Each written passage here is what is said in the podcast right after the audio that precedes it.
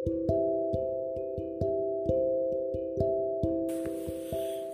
الله والحمد لله والصلاة والسلام على رسول الله محمد بن عبد الله وعلى آله وأصحابه ومن لا حول ولا قوة إلا بالله سبحانك لا علم لنا إلا ما علمتنا إنك أنت العليم الحكيم رب اشرح لي صدري ويسر لي أمري واحلل عقدة من لساني يفقه قولي أما بعد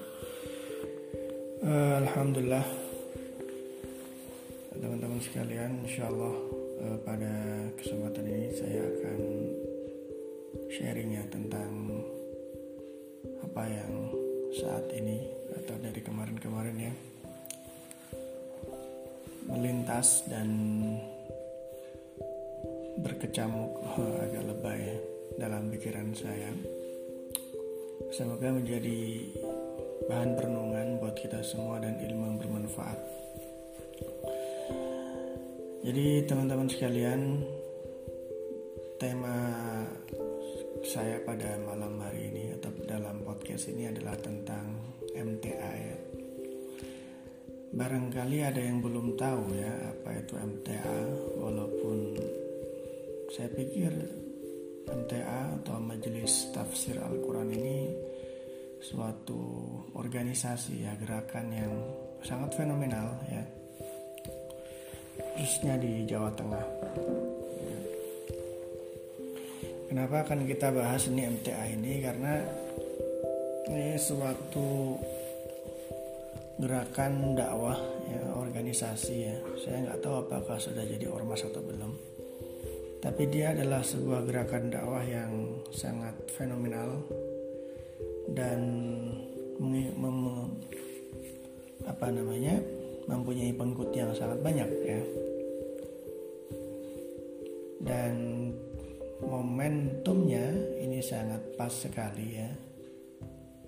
Uh, untuk kita bahas karena beberapa hari yang lalu ya 25 Februari ya itu ketuanya pimpinan utamanya dan bisa dikatakan pendirinya yaitu almarhum Ustadz Sukina atau Sukino kalau bahasa Jawa ya itu meninggal ya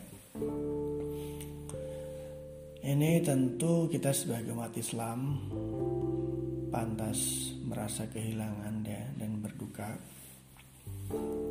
Dan yang menarik atau yang menjadi alasan kita untuk membahas MTA ini karena memang Ustadz Sukino ini ya figur yang sangat sentral ya. Mungkin beliau juga pendiri ya, pendiri setahu saya memang seperti itu. Jadi meninggal tanggal 25 Februari lalu dan sekarang di sudah diganti ya oleh Ustadz Muhammad Lutfi atau siapa ya LCMA ya. Jadi apa namanya eh, apa namanya yang saya sampaikan ini bukan sebatas wafatnya Ustadz Muhammad Sukino dan siapa penggantinya ya. Karena saya juga tidak begitu mengikuti ya perkembangan uh, beritanya ya. Bukan itu yang akan kita bahas tapi pelajaran pelajaran penting barangkali ya dari uh, gerakan MTA ini Teman-teman sekalian MTA itu kepanjangannya adalah Majelis Tafsir Al-Quran ya. Saya pernah baca kenapa disebut Majelis Tafsir Al-Quran karena memang pada awalnya itu programnya adalah mengkaji tafsir Al-Quran bahkan sampai beberapa sampai tahun-tahun sekarang ya sampai sekarang ya program kajian tafsir Al-Quran yang disampaikan oleh Ustadz Sukino ini juga menjadi semacam program unggulan ya di di MTA ya. Beberapa ya tahun lalu lah tahun lalu saat saya masih sering ke Magelang itu di rumah teman saya di Magelang saya sempat nonton itu sekilas ya uh, siaran kajian Ustadz Muhammad Ustadz Muhammad Sukino ini di TV-nya MTA ya. Dan itu bagi saya semacam apa namanya? Uh, apa namanya? Nostalgia ya. Karena saya sudah tahu MTA ini sudah sangat lama ya sejak saya masih mondok di Lasem Merembang ya. Sekitar tahun 2007 sampai 2009 lah ya saya sudah uh, mengenal MTA kenapa? Karena memang MTA ini fenomenal sekali di Jawa Tengah ya karena itu dia mereka itu menggunakan sarana radio ya untuk menyebarkan pemikiran dan kajian-kajiannya. Ya.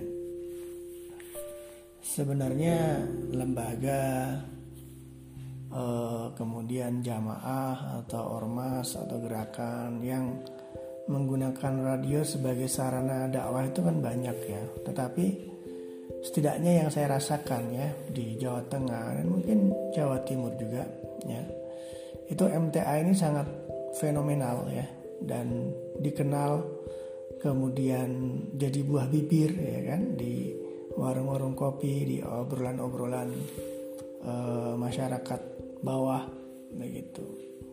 Padahal sekali lagi sebenarnya ya kalau kita bicara dakwah lewat radio ya banyak Inilah nanti yang akan eh, kita bahas ya, yang akan saya sharing ya di antara pelajaran-pelajaran dari MTA. Ya. Dan perlu saya sampaikan juga bahwa konteks pembicaraan kita ini bukan dalam uh, bab setuju atau nggak setuju ya dengan pemikiran-pemikiran MTA gitu kan ya tidak bukan itu jenengan mau tersetuju monggo. Tidak juga tidak apa-apa ya. Karena yang akan eh, kita bahas itu fokusnya adalah bagaimana kita mengambil hikmah ya mengambil pelajaran dari gerakan MTA ya. jadi saya sudah tahu MTA itu sudah lama sekali gitu kan ya. Udah berarti udah lebih dari 10 tahun ya. Karena itu tadi uh, mereka sangat apa namanya sangat bagus sekali memanfaatkan radio ya sebagai sarana dakwah ya sehingga dakwah mereka itu akhirnya didengarkan oleh masyarakat bawah ya dan menjadi buah bibir juga ya oleh masyarakat kalangan bawah di kampung-kampung sekalipun gitu kan ya. Kenapa seperti itulah ini ya. Ini pelajaran pertama ya dari MTA ya. Jadi pelajaran pertama dari MTA itu menurut saya ya tentang bagaimana kita eh, menggunakan dengan baik teknologi untuk berdakwah. Ya. Kan ngomong-ngomong masih banyak orang yang bahkan tidak mau menggunakan teknologi sebagai sarana berdakwah dengan berbagai alasan ya. ya. Padahal dakwah ini akan semakin luas jangkauannya, semakin maksimal ketika disupport oleh teknologi. Jadi masih banyak orang yang nggak mau bahkan menggunakan teknologi untuk berdakwah atau tidak memaksimalkan peran teknologi untuk berdakwah. Ya. MTA ini ya suatu ormas, suatu gerakan yang eh, apa namanya lahir dan berpusat di Solo ya. Saya waktu nginep di penginapan di sekitar Mangkunegaran situ ya itu ternyata dekat dengan kantor MTA itu ya. Gede juga itu kantor pusatnya di Solo. Jadi pelajaran dari MTA yang pertama adalah bagaimana kita memaksimalkan fungsi teknologi ya sebagai sarana berdakwah. MTA itu dikenal luas karena dia memanfaatkan radio ya, radio. Karena pada waktu itu ya YouTube, apalagi ya sekarang podcast, itu kan Clubhouse ya. Clubhouse ya kan dan sosial media yang banyak banget itu belum ada. Ya jadi hanya dengan radio mereka bisa uh, menyebarkan dakwahnya bahkan ke pelosok-pelosok desa. Dan jadi buah bibir gitu kan ya. Buah bibir ini maksudnya ya pro kontra kan gitu kan ya. tapi itu kan menunjukkan ada adanya respon dan bahwa dakwah mereka sekali lagi memang menyentuh hatta ke desa-desa manfaatkan teknologi. Sekarang eh, teknologi semakin canggih ya. Platform dan media-media untuk kita berdakwah juga semakin banyak lah. Itu kita gunakan kayak saya ini pakai podcast gitu kan ya, ya. Dan pakai YouTube juga ya. Semoga bisa jadi amal jariah buat kita semua ya. manfaatkan teknologi. Yang pelajaran yang kedua itu tentang bagaimana kita uh, mampu menyederhanakan ya bahasa dakwah atau bagaimana kita harus menyederhanakan bahasa dakwah. Ya, walaupun nggak apa namanya nggak eh, sering ya atau nggak terus-terusan ya kadang kita juga perlu menggunakan bahasa-bahasa yang lebih uh, jelimet gitu kan ya tetapi sebenarnya dan ini kalau kita belajar dari MTA ya tema-tema yang penting yang berat itu bisa kita sampaikan dengan bahasa-bahasa yang sederhana. Ngomong-ngomong kalau teman-teman sudah paham MTA itu kan tahu bagaimana almarhum Ustadz Sukino ini kan ya gaya ceramahnya ya. Dengan logat Jawanya, dengan medoknya ya kan ya. Dengan ceplas-ceplosnya, dengan kalimat-kalimat dan penjelasan yang sederhana. Itu ternyata tema-tema yang berat ya. Eh, tauhid, akidah, dakwah, kemudian bahkan tema-tema yang nggak mainstream ya kan? Karena MTA ini kan e, pemikiran dalam ibadahnya itu kan kayak teman-teman Persis, Muhammadiyah, Salafi gitu ya keras ya mereka anti tahlilan, mereka anti maulid ya. Tetapi sekali lagi tema-tema yang berat ya tauhid, dakwah, kemudian tema-tema yang uh, tidak mainstream ya, yang bahkan banyak orang itu malu-malu takut menyampaikannya. Ustadz Sukino ini berani menyampaikannya dengan lantang dan bisa menjelaskannya dengan bahasa-bahasa yang simple dengan kalimat-kalimat dan logika-logika yang saya pikir sederhana ya. ya. Sehingga apa? Sehingga akhirnya ya banyak sekali yang menyambut dan kemudian menerima dakwah MTA kan banyak cerita itu kan hatta orang-orang kampung gitu ya sekali lagi ini kita tidak bicara dalam konteks setuju nggak setuju dengan pemikiran MTA ya kan banyak cerita hatta orang-orang di kampung itu ya. Gara-gara mendengarkan ceramahnya Ustadz Sukino dari radio itu mereka akhirnya bisa berubah drastis ya. Anti tahlilan anti maulid kan begitu ya.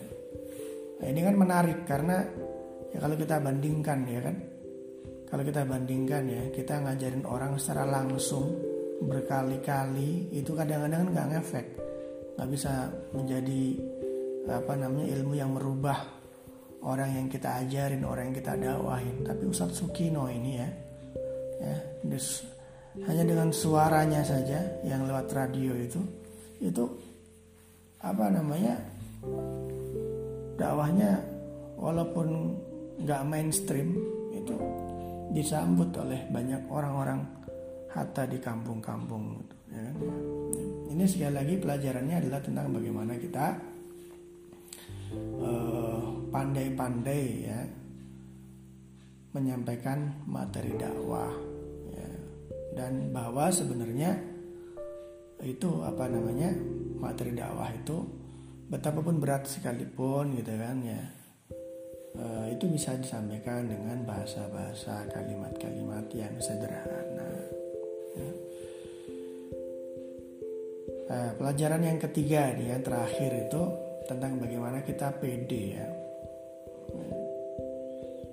Pede dan yakin dalam dakwah ya. itu kalau kita dengar ceramahnya Ustadz Sukino ya almarhum ini kan itu kelihatan sekali beliau itu seakan-akan tanpa tenden aling-aling ya. Ya dengan lantang dengan ceplos-ceplos menyampaikan pendapat-pendapatnya yang walaupun pada akhirnya itu apa namanya dihu direspon dikritisi ya bahkan pengikutnya di kampung-kampung tuh banyak yang akhirnya mendapatkan uh, perlakuan ya yang apa namanya yang ya perlakuan kekerasan semacam itulah ya oleh tetangga-tetangganya ya. E, artinya Ustadz Sukino ini kalau kita lihat ya ceramahnya itu kalau dalam menyampaikan doanya itu sangat pede sekali gitu lah ya. Lantang ceplos-ceplos kan, ya. walaupun sekali lagi banyak pemikirannya itu yang mungkin berbeda dengan apa yang diamalkan dan diyakini di di kampung-kampung. Nah, nah ini sekali lagi tidak dalam konteks setuju nggak setuju gitu kan. Ya. Tapi ini juga bisa menjadi pelajaran buat kita ya. Kita punya gagasan, kita punya ide, kita punya pikiran sampaikan dengan percaya diri. Walaupun mungkin eh, apa namanya pikiran kita itu nggak mainstream, ide-ide kita itu aneh gitu kan. Selama kita anggap itu positif ya kita sampaikan saja dengan percaya diri karena kalau kita nggak percaya diri yang menyampaikan ya itu juga orang akan susah akan lebih susah untuk menerimanya nah dengan kepercayaan diri dalam menyampaikan ide gagasan ya dakwah gitu kan ya itu nanti juga akan membantu kita sehingga ide-ide kita itu lebih mudah lebih banyak diterima oleh orang lain. Ya kan ya?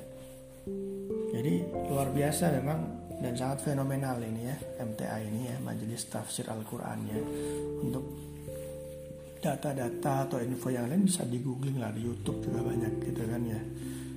E, ceramah Ustadz Sukino kemudian e, apa sejarah MTA ya.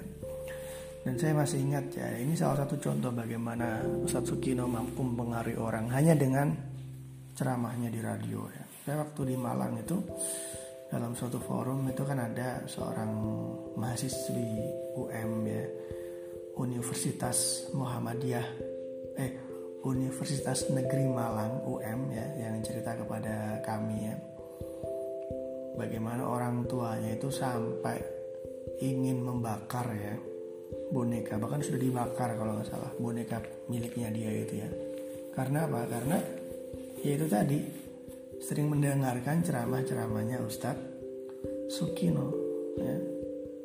ya. Jadi sekali lagi itu salah satu contoh ya bagaimana dakwah ketika disampaikan dengan percaya diri, dengan yakin ya, dengan iman, ya kan ya.